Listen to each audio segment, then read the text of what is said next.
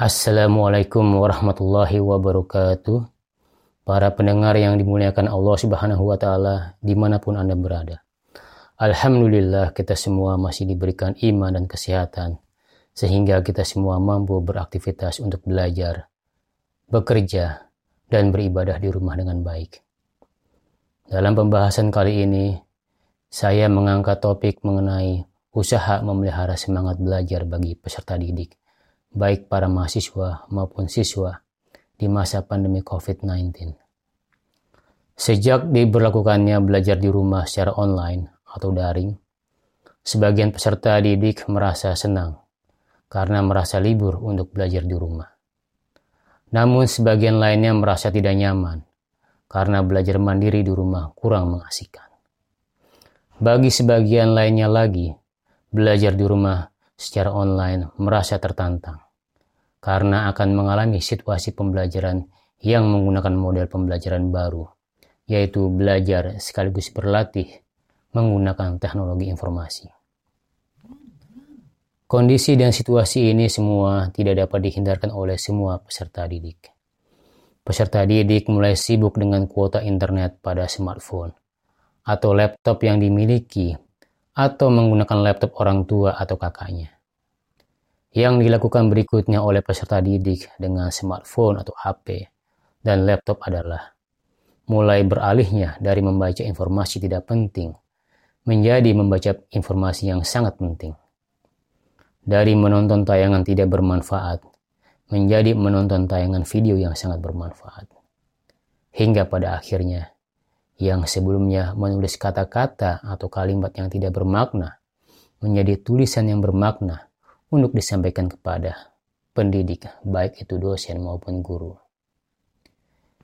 Yang menjadi pertanyaan, seberapa kuat peserta didik mampu mengikuti pembelajaran daring di masa pandemi, di mana mereka tetap harus di rumah, belajar, dan beribadah.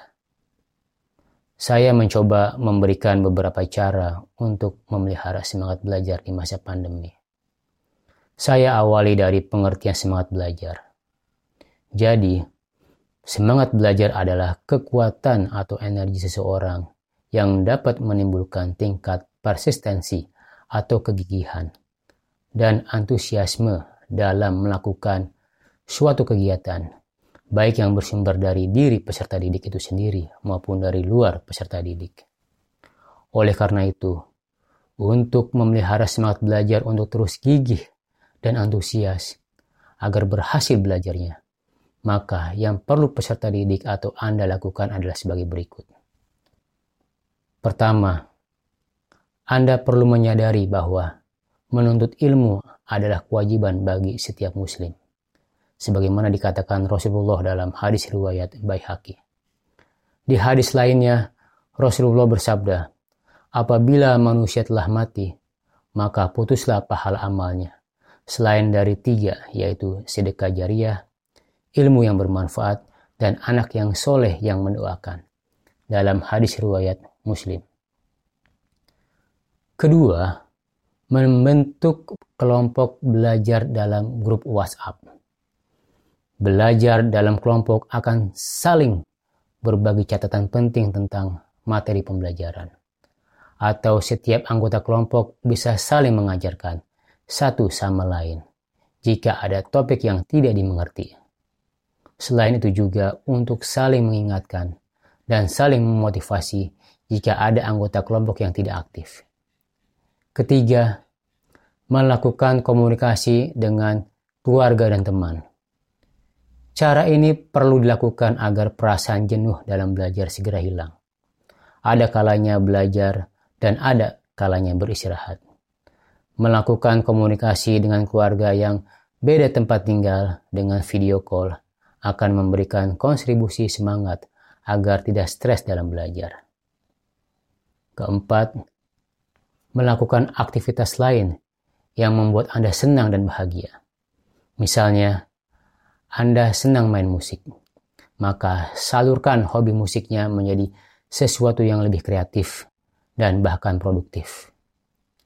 Yang kelima, mencari kegiatan bersama sahabat untuk mengikuti kegiatan secara live melalui aplikasi Zoom atau Google Meet seperti diskusi santai online atau obrolan online yang membahas topik-topik yang menarik yang menggugah semangat belajar Anda yang akan memberikan banyak wawasan atau pengetahuan baru. Dan keenam atau yang terakhir, mengikuti lomba-lomba kreatif secara daring di berbagai kegiatan sesuai dengan minat dan bakat Anda. Konteks ini tidak mengharuskan Anda menang lomba, tapi bagaimana Anda belajar dan mendapatkan pengalaman baru sekaligus pertemanan di medsos yang akan saling memberi semangat. Demikian beberapa hal penting yang bisa saya bagi terkait dengan upaya Anda memelihara semangat belajar Anda di masa pandemi COVID-19. Semoga bermanfaat bagi pendengar, terutama mahasiswa dan siswa di rumah, agar tetap sehat, tetap semangat belajar, dan beribadah dengan bahagia. Karena bahagia merupakan lambang sebuah harapan kehidupan yang lebih baik. Terima kasih telah mendengarkan podcast yang diselenggarakan UHAMKA. Saya akhiri. Assalamualaikum warahmatullahi wabarakatuh.